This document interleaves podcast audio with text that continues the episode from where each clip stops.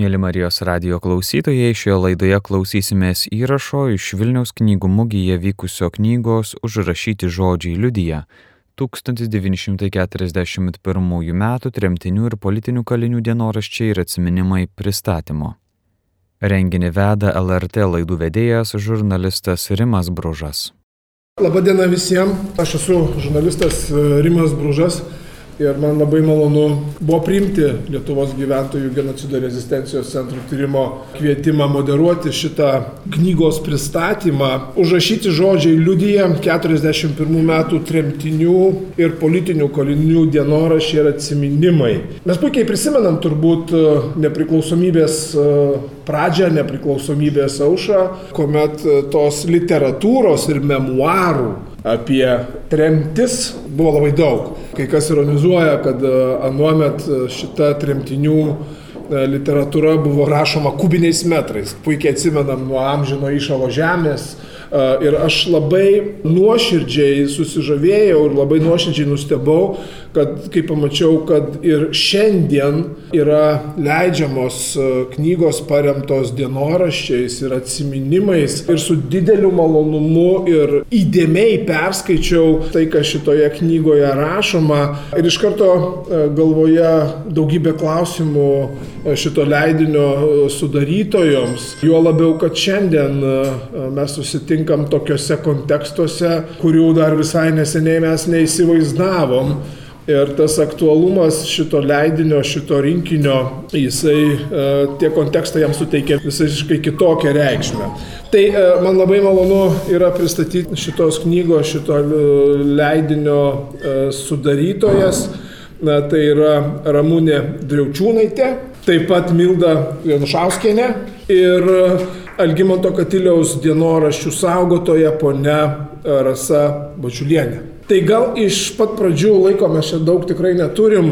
Šitame leidinyje yra dešimt dienoraščių iš penkių regionų, pavadinkim taip. Tai pirmas klausimas, žinant tą tremčių mastą 41 metų, žinant, kiek jau yra istorijų parašyta, aprašyta, kaip jūs darėte tą atranką, kurios jos yra vertos ir kokie buvo kriterijai. Tai kadangi pernai mes minėjom pirmųjų masinių trėmimų iš Lietuvos 80-asias metinės, tai na tiesiog pati ta sukaktis mus įpareigojo kažkaip įamžinti šitą datą ir mes pagalvojom, kad mes tai galim padaryti būtent per 1941 metų tremtinių ir politinių kalinių dienoraščius, jeigu tokie yra išlikę. Kitas labai svarbus kriterijus buvo mums parodyti per dienoraščius e, kiekvieną kraštą, į kurį buvo ištremti tremtiniai. Mes labai dažnai girdime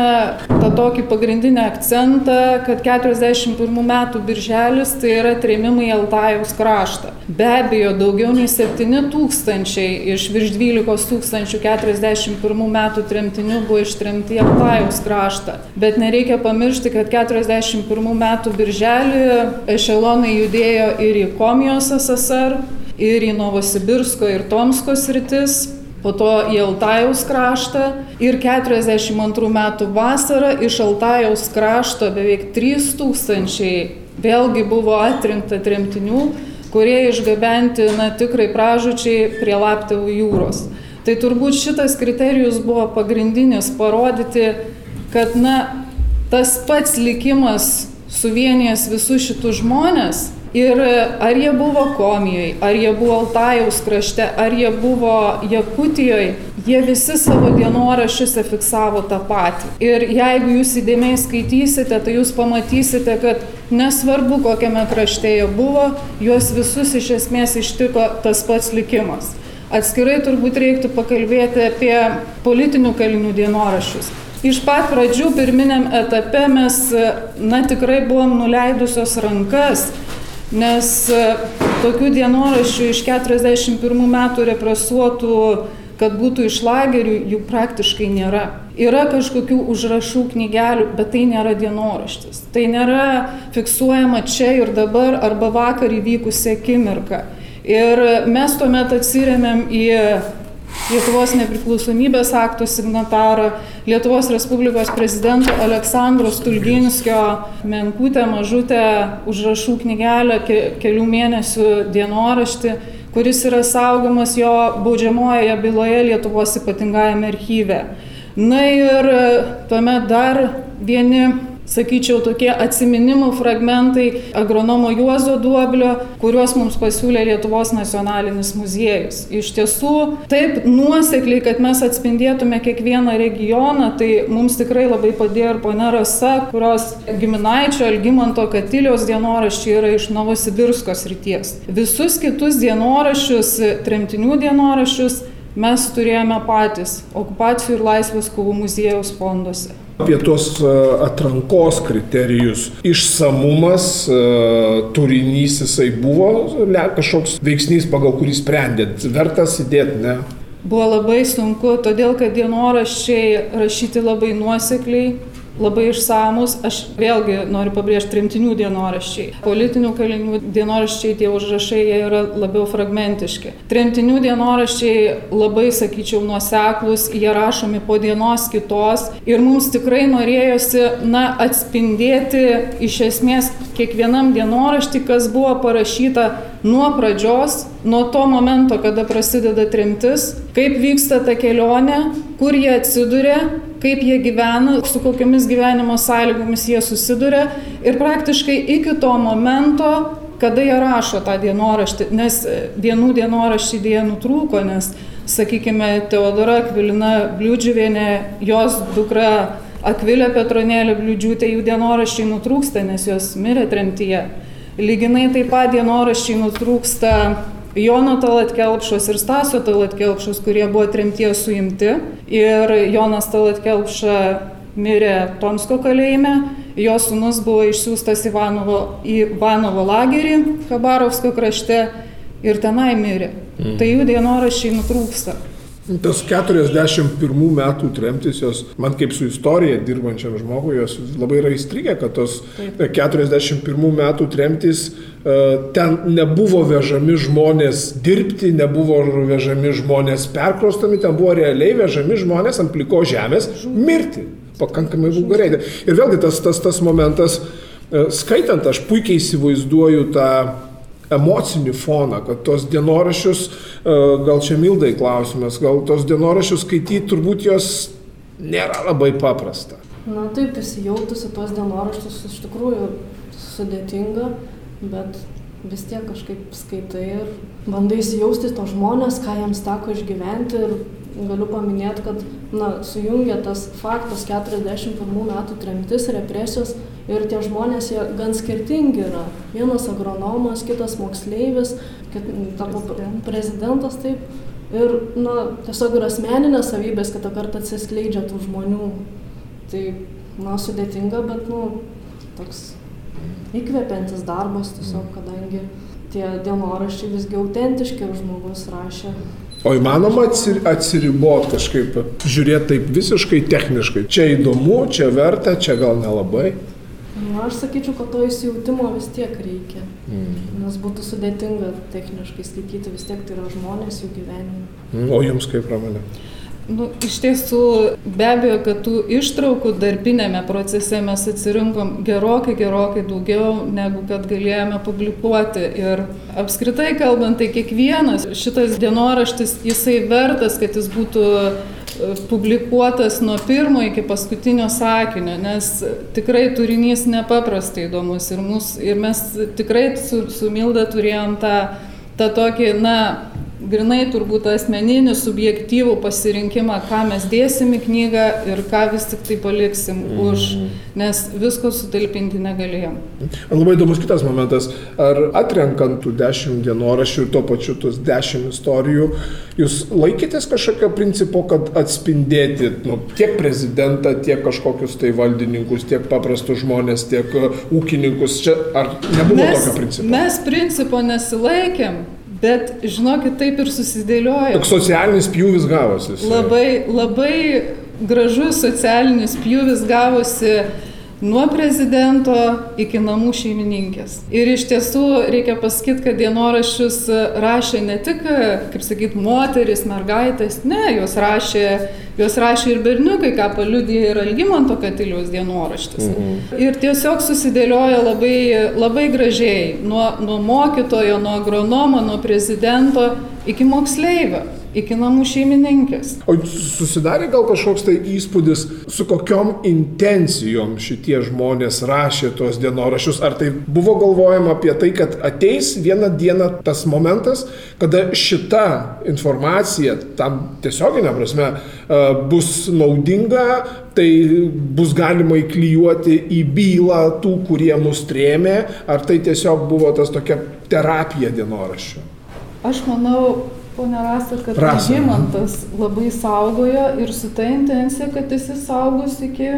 Taip, Algimantui buvo labai svarbus jo dienoraščiai, tačiau, kaip jūs minėjote, su intencija, kad tai bus įdėta į pudelių bylą, tikrai nemanau, kad 12-metis berniukas apie tai galvojo rašydamas savo dienoraštį. Stulginskiui gal kitaip. Na, galbūt taip. Ir turiu atkreipti dėmesį, kad Algimantas pradėjo dienoraštį rašyti būdamas 11 dar Lietuvoje prieš pat, prieš dieną prieš ištremant. Ir jisai juos rašė, būdamas ir 18 ir 19, tai, tai buvo ilgametis, gana netrumpas laiko tarpas. Mm. O ką jisai rašė, pasufleruokit. Tai rašė, kokie įvykdavo jam, kaip tuo mečiam paaugliui atrodė reikšmingi įvykiai. Mhm. Galų galia jau, kai jie buvo Sibirė, jis ir aprašinėjo Sibiriečių būti, aplinkui kas vyksta dienos įvykius. O tie dienoraščiai jie išliekamąją vertę, be to, kad tai dokumentavo, kad tai fiksavo tremtinių būti ir kasdieną, jie turi kažkokią, tai čia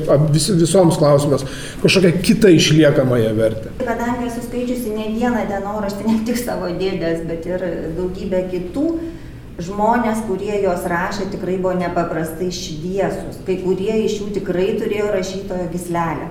Taigi jie turi ne tik tą dokumentinę vertę, bet jie, jie yra vertingi kaip ir literatūros kūriniai. Ir tai yra tikrai didžiulis įkvėpimo šaltinis, nes tų žmonių stiprybė žavi, stebina, stulbina ir linkėčiau mums visiems pasisemti iš jų tos stiprybės. Ir e, jeigu mes kalbėtume apie pačių dienoraščių turinį, tai aš manau, kad e, tie užrašyti žodžiai, jie tiesiog aprengia tas sausas instrukcijas, kurios buvo parengtos. Juk nei vienas trėmimas iš Lietuvos ar 41 ar pokariniai trėmimai niekas nevyko stichiškai, jiems buvo ruošiamasi. Papunkčiui būdavo viskas išdėstoma, kas ir kaip turi vykti. Ištisi lapai instrukcijų, kas kur ir kaip, kaip ten turi su, su žmonėmis, koks jų paskirstimas turi vykti jau tremties vietoje, ar ne? Ir būtent šitie dienoraščiai nuo pirmo to momento, kada pradedame rašyti, nuo patos pirmos kratos, kada įsiveržė trėmėjai namus, jie parodo, o kaip viskas vyko iš tiesų. Tai aš kaip tik norėjau ir klausti, kiek tai suteikia informacijos, kurią gali pasinaudoti istorikai savo darbuose, savo tyrimuose.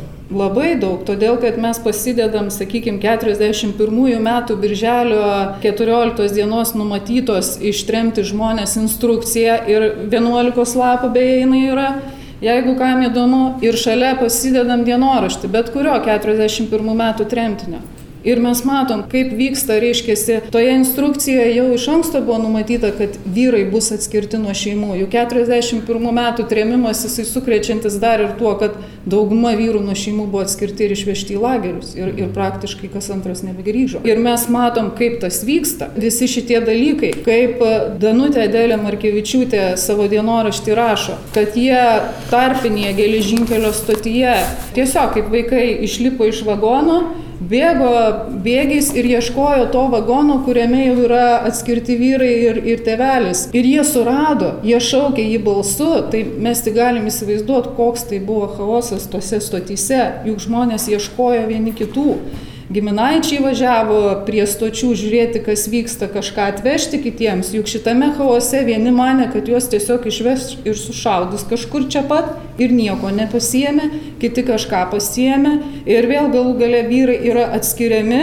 tarsi jie kurį laiką pavažiuos atskirai, o paskui jie bus vėl kartu. Na čia toks, sakykime, melas, kad, kad nekiltų dar didesnės panikos. Tai va Danutė Dėlė Markevičiūtė su savo broliu bėga, reiškia, tuo peronu, šaukia vardu ir atsiliepia. Ir atsiliepia jos tevelis. Ir atsiliepia tevelis ir jinai tą rašo dienoraštį, kad, reiškėsi, orusas kareivis žiauriai ant jų suriko ir juos nuvarė šalin nuo to vagono. Tai va jau tas momentas, kaip vaikai, jie su mamom yra vienam vagone, o jų teveliai jau yra kitame.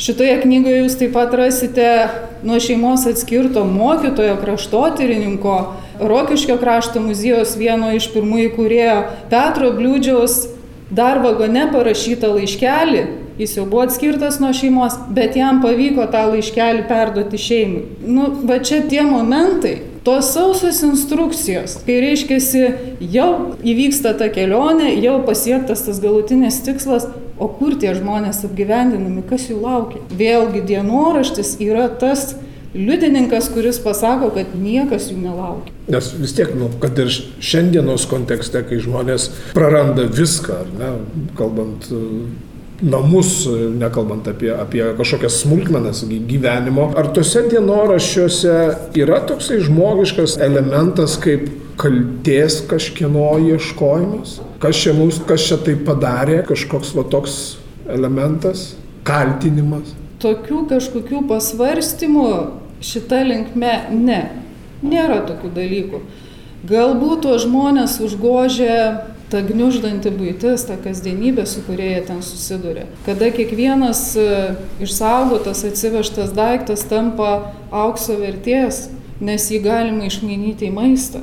Juk tai laukia pirma žiema, įvairios lygos, gyvenimas pastatuose nepritaikytuose tam. Ir va ta tokia daugiau turbūt atsispindi ta kasdienybė ir tas nuolatinės toks kovojimas su ta bado šmėkla, su tuo nuolatiniu nepritekliu, su artimųjų lygomis ir su tuo noru išlikti. Bet kad kažkas kaltintų, kad, na žinot, kaip mes dabar dažnai girdim, pasidavė šūvę neišovę, Tai tokių pasvarstymų šitose dienoraščiuose nėra. Bet nė, nė, nėra čia, ta prasme, dėl to, kad žmonės tokiom kategorijom negalvojo, ar tai tiesiog tuo metu tomis sąlygomis tai buvo, na, neaktualu, buvo tokių labiau e, svarbesnių dalykų, kaip išlikimas, kaip, kaip maistas, kaip stogas. Manyčiau, kad e, pirmiausia, ypatingai mamoms tai įsijungia tas motiniškas instinktas pasirūpinti savo vaikais. Galbūt tų kažkokių įdomių, šiaip labai įdomių tokių pasvarstymų, kaip galėtų būti, mes galėtume atrasti Jono Talatkelpšos dienoraštyje.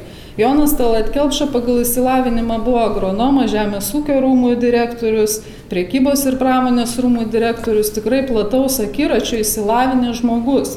Ir atsidūręs Tomsko srityje su savo šeima, jisai sekė vietinę spaudą, kiek jinai jiems ten buvo prieinama, ir jis matydavo tą tarptautinį kontekstą, kas vyksta, kaip vyksta tas antras pasaulinis karas, ten kiek ten tos žinios buvo patikimos, jis ir pas dienoraštį abejojo, ar galima tuo viskuo tikėti, bet jisai matė ir fiksavo tokį momentą, kad didžiosios valstybės apleidžia Baltijos mažasias valstybės ir jam buvo dėl to skaudu. Tai šitų užuomenų jo dienoraštyje yra kad, reiškia, susirinkę ar tai Altos konferencija, ar Potsdamo konferencija, ir jį pasiekdavo va, tos tokios istorinės informacinės žinios iš vietinės spaudos ir jis tą pasvarstydavo, kad vat, negerai, mūsų valstybė, maža valstybė, kad jinai dinksta tų didžiųjų valstybių, reiškia, interesų jūroje ir paliekama tarsi nuo šaly.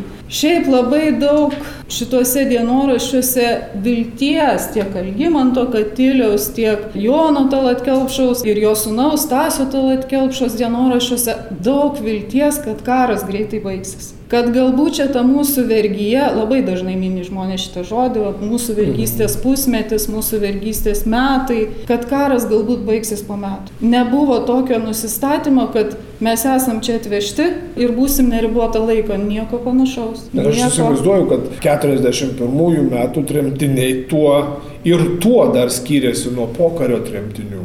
Kad 41 metais tas karo faktorius jisai dar galėjo kažkiek tai suteiktos vilties, tuo tarpu po, po antro taip, pasaulinio taip, viskas. Taip, reiškia, tai vad buvo ta viltis, kad karas galbūt baigsis po metų, kad galbūt po, po antrų šita tokia viltis yra ir prezidento Aleksandro Stulginskio tame dienoraštyje, kad vat, jie irgi lageriuose būdami, jie girdi, kad kažkas tai vyksta, kad kažkokių galbūt permainų bus ir kad galbūt jie sulauks tų permainų, bet dėja tos permainos nepalėtė. Nepalėtė nei tremtinių 41 metų, nei politinių kalinių.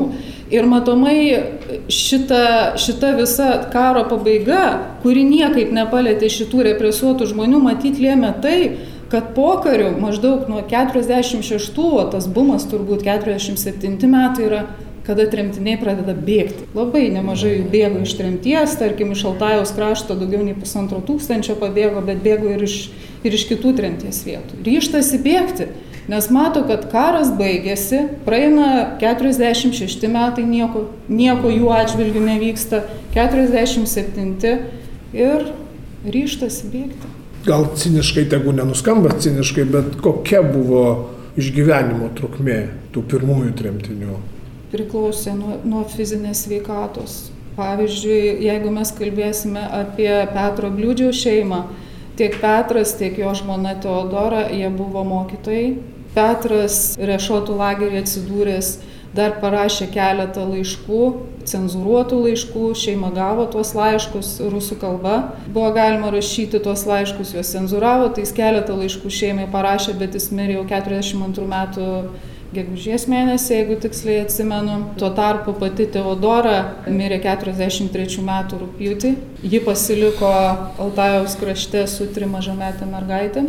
Ir vyriausiai jos dukra Akvilė Petronėlė, kurios dienoraštis čia irgi šitoje knygoje yra, ji mirė tų pačių 43 metų gruodį. Nuo išsiekimo tiesiog jūs dabar kaip tik esate atsivertęs. Akvilės Petronėlės laišką rašytą giminaičiams ir jinai tiesiog tame laiške prašo patarimų, kaip joms išgyventi trims našlaitėms paliktoms šitoj Sibiro žemėje ir kaip išgyventi. Klausia patarimų, nes nieko, absoliučiai nieko neturi. Tai va, o kada pasiliko, kada Akvilė mirė, pasiliko dvi mažametės jos sesutės, tai tiesiog aplinkiniai vietos tremtiniai pasirūpino, kad jos atsidurtų vaikų namuose o keturiasdešim šeštais metais jos buvo parvežtos kaip visiškos našlaitės nes kaip žinia vyko parvežimo akcijos man yra tekę bendraut su su amžinatilsį jonu bulota kuris nuo penkiasdešim trečių metų jisai dalyvavo tose vaikų gelbėjimo operacijose kur kur ir ten labai įdomių istorijų yra kaip jie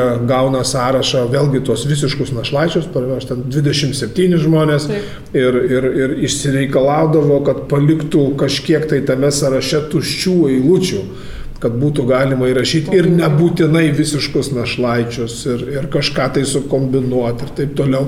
Rasa, jūsų norėjau klausti, mes vis čia kalbam apie, apie tos žmonės, kurie galėjo kažkaip reflektuotai, kas buvo, kaip žiūrėjo paauglys, koks jo buvo matymas, kas jam nutiko. Na, net ir ne visai žinau, kaip atsakyti į jūsų klausimą, nes dėdė yra paminėjęs, kad jis turėjo galimybę dar prieš išvežant pabėgti, sako, aš galėjau tiesiog įeiti į rulių lauką ir pasislėpti tenai, bet jau jis vėliau, jau suaugęs žmogus jisai svarstė, kodėl aš tada to nepadariau.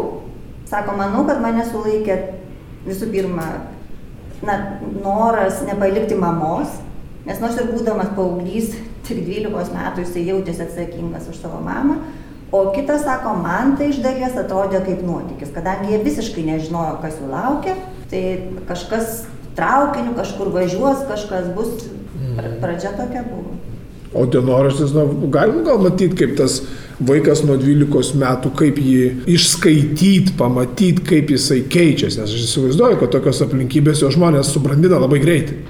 Taip, reikia skaityti, yra knyga, kur pilna, pilni jo dienoraščiai. Mm. Ten būtent ten labai gerai matyti, kaip jautėsi vaikai tenai ir ką jie turėjo pergyventi. Mm. Būtent vaikai. Nes tas pats. Tai yra nes neteisybė, šiaip yra iš principo neteisybė padaryta žmonių atžvilgių, nes žmonė, žmogaus neegzistavo toje žvilgsnėje. O vaikai, ypač brendimo laikotarpį, aš prieš keletą metų, kai perskaičiau tuos dienoraščius, tai man buvo iš visos lektūros šita tema pati stipriausia knyga ir aš galvoju, kodėl taip mažai išpopuliarinti. O jūs žinot, kad vienas brolis tapo grafiku, ar ne? Taip. Ir jisai yra iliustravęs rugiuose prie bedugnės viršelį. e, kur raudonas skrendantis žmogus ant to viršelio, 67 rodas leidimas, yra brolio irgi, kuris buvo pabėgo, Mhm. Mokėsi dailės institutė, pasimokė, buvo suimti, gavo lagerio, gražinti ten atgal ir paskui vis viena tapo dailininku, grįžęs antrą kartą. Įsivaizduojat, kokie dalykai vaikams teko. Nes bet aš tai- pabandau įsivaizduoti tą bėgimą, kada sako, kad 3000, bet gali būti 6000 pabėgusių, kai bėgo daugiausia vaikai. Geriausiu atveju su mamom arba tetom arba pažįstamais. Taip. Kitus palikdavo pažadėję pašefuot, palikdavo Maskvoje be pinigų ir be bilietų.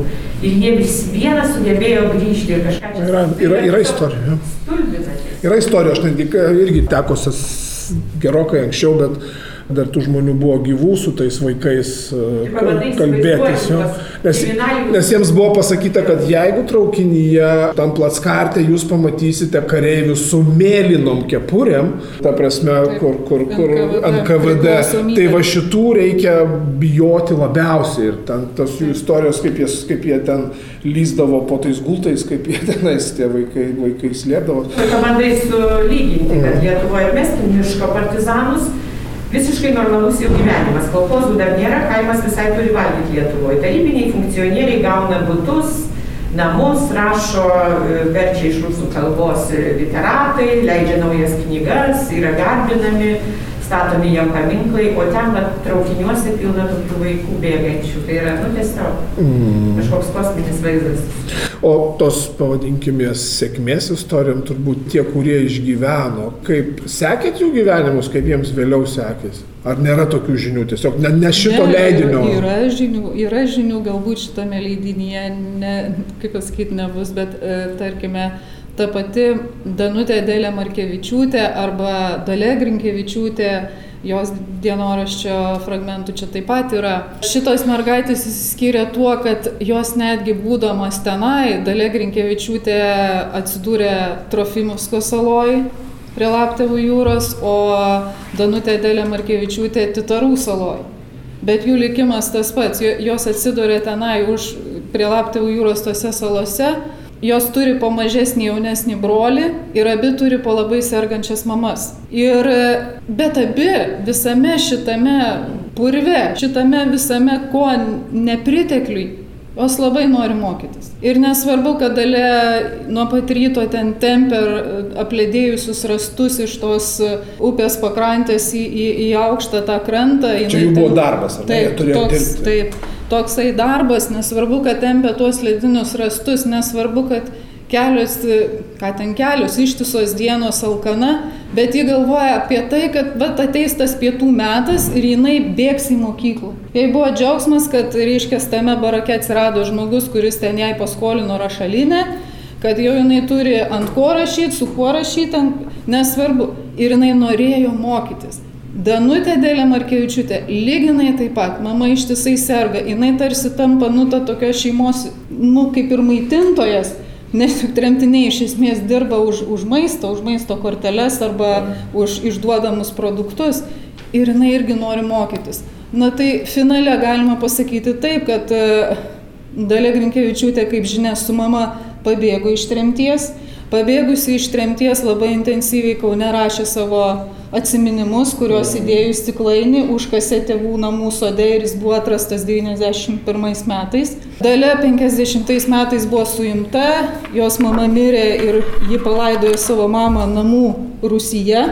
O ji pati buvo suimta, išvežta, vėlgi, kadangi jau buvo pilnametė, jinai atsidūrė trys metai lagerio ir paskui vėlgi gražinta į tremtį į Jakutską. Bet nepaisant to ir viena ir kita, jos abi pabaigė mokslus ir abi tapo medikėm. Tiek Danutė Dėlė Markevičiūtė, tiek e, Dalė Grinkevičiūtė. Bet atremtis, jinai juk čia jokia čia nenaujiena, jinai uždėdavo tokį klaikų štampą, Taip. kad tu esi buvęs ar nu, tremtinių vaikas, ar tu, tu, tu pats tremtinys. Visam gyvenimui, turbūt sovietmečiu.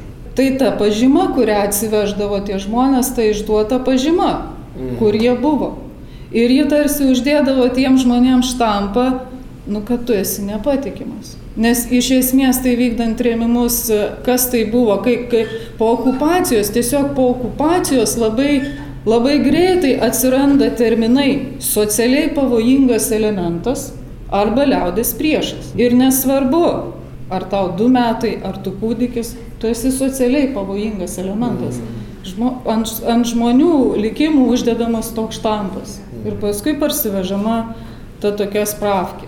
Tai grįžus tikrai nebuvo lengva, reikėjo prisitaikyti, reikėjo vėlgi, dauguma jau praktiškai sulaukė pagalbos iš šeimos draugų, iš nepriklausomos Lietuvos laikotarpį pažinotų žmonių, iš savo artimųjų. Bet tas vis tiek, aš įsivaizduoju, tie pabėgę vaikai, tie sugrįžę vaikai, jie greičiausiai negalėjo savo atstatyti tapatybės. Reikėjo keisti tuos dalykus ar ne? Ar, ar tu galėjai gyventi tą pačią pavardę? Čia kaip čia tie žymieji pokario vilko vaikai, tokie vilkiukai jie. Šitą temą žinau. E, ne, ne. Ne. Tremtiniai vis tiek gyveno su savo vardu, su savo pavardė tai juos tengiasi pagauti. Mhm. Pagauti ir jeigu tu esi nepilnametis, tave etapais per, per kalėjimus, per paskirstimo punktus gražina atgal į trimties vietą.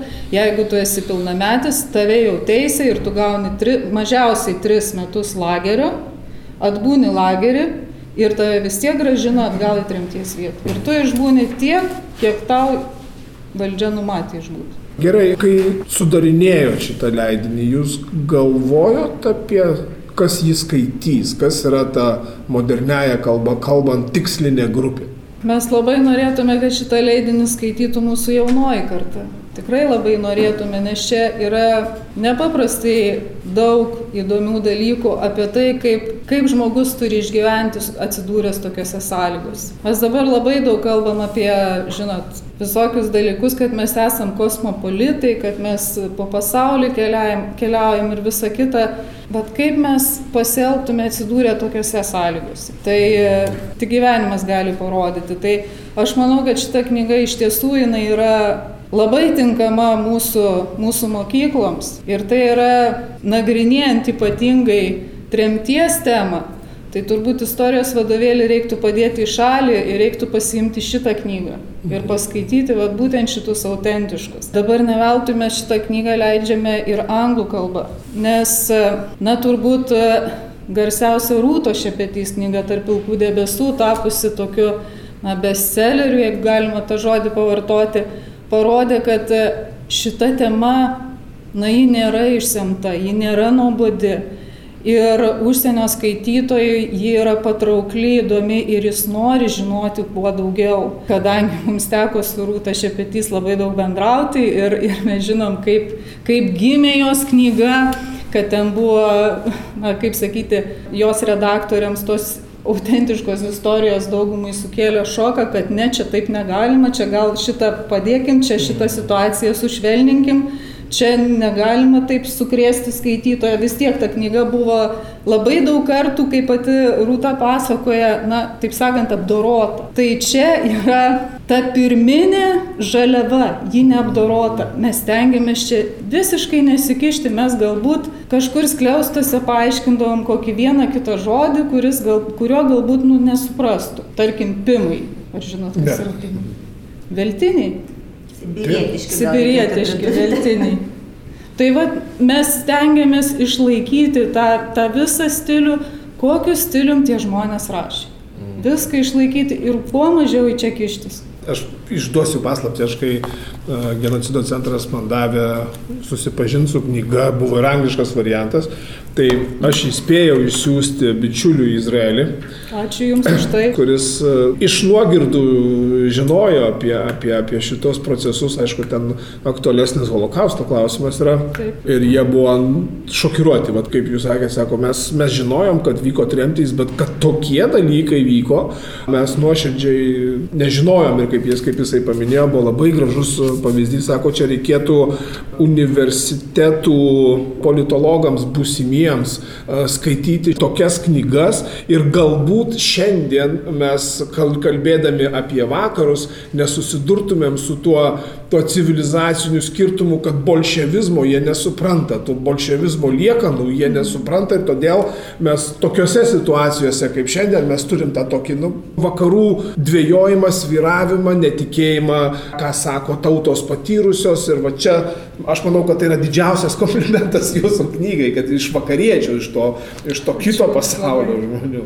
Ačiū Jums labai iš to. Gal iš auditorijos yra kokių klausimų? Mano klausimas yra, aš noriu paklausti, o kaip jie, kaip išsaugo tos dienoraščius? Vis tiek aš žinau, kad laiškus cenzūruodavo, turėdavo, jeigu siunti laišką į Lietuvą, jį perskaitydavo ir tikrai ne, ne visą tą originalą išsiųsdavo. Tai kaip, vat, kaip atsidūrė Lietuvoje tie dienoraščiai, nes kai kurie vat, atsidūrė kalėjimuose, ne? Ir iš tų kalėjimų, kaip dienoraščiai atsidūrė pas, pas giminaičius, pas Lietuvoje tiesiog. Jeigu mes kalbėtume apie... Ir kitas klausimas, ant ko jie rašo, tada irgi jau nedavė jiem niekas tušinuko, pieštuko ir lapą. Teisingai, iš kur gavo Taip. šitas Tai jeigu mes kalbėtume apie prezidento Aleksandro Stulginskio dienoraštį, tai jis jo neišsaugoja. Vienos kratos metu jisai iš jo buvo paimtas ir kaip papildomas įkaltis buvo įdėtas į jo bylą. Ir iki šiol jisai yra Lietuvos ypatingojo archyvo prezidento byloje. Ir, ir ten jisai ir yra. Ir jis rašytas, turbūt Aleksandro Stulginskio dienoraštį buvo sunkiausia šifruoti, todėl kad ten daug santrumpų rašyta grafitiniu pieštuku. Labai tas raštas toks, žinot, ir vyriškas, ir sugrūstas. Na tai va, tai jis jo ne, nu, neišsaugojo, jis jo. Taip, taip. Nes čia visai nesnei prieš porą dienų buvo valdovų rūmose filmo Laisvės žvalgas apie Lukšą Daumantą, buvo pri- pristatymas ir ten labai gražiai kaip, kaip išlieka dokumentai. KGB rašydama bylą sufotografuoja, viską aprašo ir deda į archyvą, o tie archyvai jie, jie turi tokią savybę laiks nuo laiko išlikti. Tai jie padarė tą darbą už, už Taip. Ir dabar, jeigu tęsiant tą mintį, tai e, jeigu lageriuose tos kratos barakose, jos vykdavo viena po kitos, tai tremtyje tokių dažnų kratų niekas nedarė. Todėl, kad tremtiniai gyvendavo, na, sakykime, pirminio etapu, kai juos atveža, juos apgyvendina kažkokioj bendroj patalpoj ir, ir, ir tie žmonės būna su tais savo ryšuliais, su tais savo daiktais kažkur, kažkur kažką įkiša, įdeda, bet, sakykime, tų tokių kratų, kad iškratytų, va šitaip ir viskas susirinktų, jų būdavo, bet mes čia turbūt kalbam apie tuos, na, laimingus atvejus, aš va esu skaičius Algymanto Katiliaus dienoraštį, kuris nuogastavo ir sakė, kad mama mane baro, kad mes nukentėsim dėl šito rašymo, mama mane baro ir vis svarstė, jis labai svarstė ir šitoje knygoje jūs rasite tą svarstymą, kad jam reikia pasidaryti dėžę dvigubų dugnu, kad jeigu neduok Dieve kratos atveju, kad reiškiasi, nu, netaptų kaip įkaltis, nes tikrai galėjo tapti kaip įkaltis ir ypatingai, jeigu mes kalbėtume apie Jono Talatkelpšos ir Stasio Talatkelpšos dienoraščius, tai jie apskritai turėjo būti, nu, paprastai tariant, supūdyti sovietų kalėjimuose, nors jie ir žuvo tenai. Nes Jonas Talatkelpša labai atvirai rašė apie tai, į kokį bardaką jie pakliuvo. Kokią žemę turi, čia Tomskos rytis, Varonycha, jie ten atsidūrė ir jis kaip agronomas. Kaip turint tokią žemę galima nemokėti šitaip tvarkytis. Ir arba kitas, ir jis reiškiasi moko, tą, tą ir kolūkio pirmininką moko, ir, briga, ir brigadininką moko, kaip reikia, nu, gaspadoriškai dirbti žemę. Ir žinot, jis juos įtikina, jis po metų dienoraštį parašo. Šiandien aš nuskyniau labai saldų, labai didelį, labai sveiką melioną. Ir tai turbūt yra pirmas melionas užaugintas Sibiro žemė. Kitas momentas, kaip minėjau, kad tremtiniai savo daiktus ba- bandė išmainyti maistą, bandė parduoti. Jonas Talatkelpša rašo, koks durnius taigui gali pirkti smokingą. Bet suprantat, tie patys vietos valdininkai, jie mato, kad šitie žmonės, jie tarsi iš kito pasaulio kokybiško audinio paltas, kokybiško audinio švarkas. Jiems maga nusipirkti, jiems norisi pasirodyti. Ir Jonas labai aiškiai rašo, kad jie stengiasi tiem patiem valdininkam, kokiem nors buhalteriam, ten brigadyriam parduoti, nes tik jie vieninteliai ir galėjo nupirkti, jie turėjo pinigų. Bet šitiem patiem jiems buvo, nu, kaip jiem išliaudės priešo socialiai pavojingo elemento pirkti. Ir galų gale, nu, su tuo nupirktų daiktų, kaip jiem išeit pasirodyti, taigi visiems bus aišku, kad čia tremtinio, žinai, iš tremtinio. Kokie aukštų dienoraščiai? Vat įdomu, nes kuo jie galėjo atsidūrė ne? Tremtinius irgi prievarta liepė įsirašyti kolūkį tenai. Jonas Talat Kelpša priešinosi iš paskutiniųjų. Jo vyresni sūnus Tasys ir Kazys irgi dirbo, vienas dirbo kolūkiai, kitas dirbo prie barakų statybos. Ir Jonas Talat Kelpša ištisai eidavo teisybės ieškoti. Bet paskui ir juos, kaip ir tuos kolūkio darbininkus, apdėjo mokesčiais. Tie mokesčiai vis auga ir auga. Ir jisai sako, nu koks įdomus kraštas. Neaugini keulės, bet valstybei keulės sodą turi atiduoti. Arba, nu, ten, žinot, kitas Jonas Talat Kelpša susitaupo jie pinigų, perka karvę iš valstiečio, kuris karvę parduoda tam, kad sumokėtų mokesčius valstybei. Ir kai tremtiniam uždėjo juos apdėjo mokesčiais, jie tiesiog nebepaėgė. Ir jų dienoraščiai nebuvo surasti, kadangi Jonas Talat Kelpša buvo ištremtas su žmona ir trim vaikais, tai jis buvo suimtas ir buvo suimtas jo sūnus Stasys, o Kazys ir, ir dukra, ir žmona jie išsaugojo ir jie parsivežė. Ir Jono Talatkelpšo sūnus Kazys dar tebėra gyvas, garbaus amžiaus, bet tebėra gyvas ir labai džiaugiasi atidavęs tuos dienoraščius mūsų muziejui. Ne toks kaip metraštis gaunas. Taip. Nepaprastai, kai rašo mama ir dukra, jeigu apie bliūdžius kalbėtume, jos papildo viena kitą. Ar tai būtų duonos trūkumas, ar tai būtų kažkokia lyga, jų dienoraščiai susišaukia. Lyginai taip pat Jono Talat Kelpšas ir jo sūnaus Tasio Talat Kelpšas dienoraščiai, jie susišaukia, jie papildo vienas kitą. Dar kitas klausimas, minėjote apie skaičius, kad pradėjo veikti iš, iš lagerio, taip? Iš tremties, iš lagerio. Būta bandymų, bet taip, bet čia jau. Iš tremties. Ir kada tas bėgimas toks intensyvesnis pasidarė? 47 metai. 46. Pabėgusių, pavyzdžiui, to vaikų, pavyzdžiui, pabėgo ten 70 procentų, yra šitie skaičiai. Nu, iš esmės kažkaip e, tokius, jeigu suapvalintų skaičius, tai galėčiau pasakyti, kad iš Altajos krašto, į kurį 41 metais buvo atitremta virš 7 tūkstančių, tai iš ten pabėgo per pusantro tūkstančio. Tai daug, nes bėgdavo daug, tikrai daug. Ir čia turbūt reikia vėlgi mamų drąsa, mamų drąsa ir ryštas išleisti vaikus bėgti. Ir tų pabėgimų buvo ne tik iš Altajus, bėgo ir iš Komijos. Jono Žemaičio Vytauto sesuo Kotryna, mokytoja, su šeima buvo ištremta į Komiją, Kortkeroso rajoną. Ir būtent dukterėčia Jono Žemaičio Vytauto su savo pusėserė, nes tevelio brolis irgi buvo ištremtas, jos irgi bėgo. Jos irgi bėgo. Bet vat, koks likimas tų žmonių susiklosto, kai jie parbėga čia, jau yra kitas klausimas, bet Vieniems pavyko išsislapstyti ir, ir, ir tiesiog taip išlikti, kitus dėja suėmė. Ir... Sakykite, o slapstytis iki kelintų metų turėjo. Aš taip, aš irgi skaičius, kad iš tikrųjų ieškojo. 53.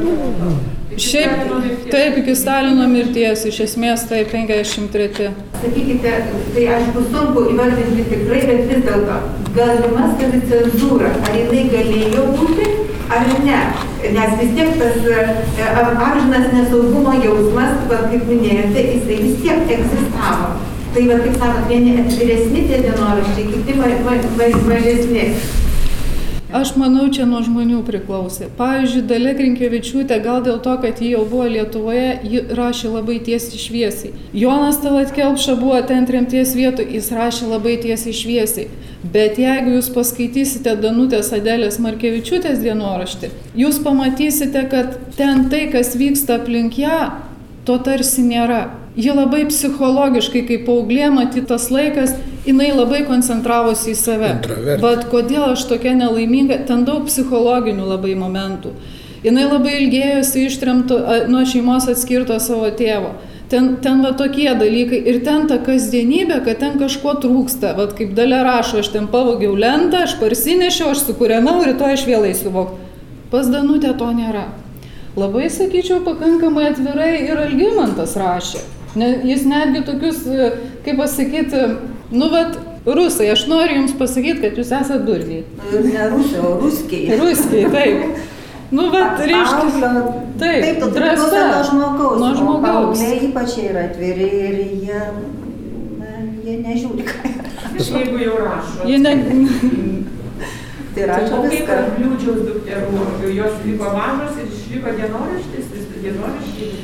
Tos dvi mažutės mergaitės su visais savo daikteliais, kokius juos turėjo, jos reiškėsi atsidūrė vaikų namuose, o paskui jas parvežė, o paskui laimutė juos atnešė pas mus tuos dienoraščius. Reikia pasakyti, kad e, tuose dienoraščiuose, ką jūs rasite, tai trumpa tokia apžvalga apie kiekvieną kraštą arba sritį, kur tie žmonės atsidūrė. Tuomet mes labai norėjom tiesiog enciklopediškai, bet paminėti tokią kaip šeimos biografiją, ją užpildyti tomis gražiomis fotografijomis iš nepriklausomos Lietuvos laikotarpio. Tuomet e, ypatingajame archyve peržiūrėjome tremties bylas.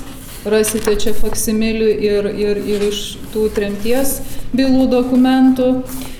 Jeigu turėjome, dėjome fotografijas iš tremties vietų ir be abejo labai norėjom parodyti pačius dienoraščius, kaip jie patys atrodo. Tai tikrai visi nepaprastai gražus, visi vienas nuo kito kažko skiriasi.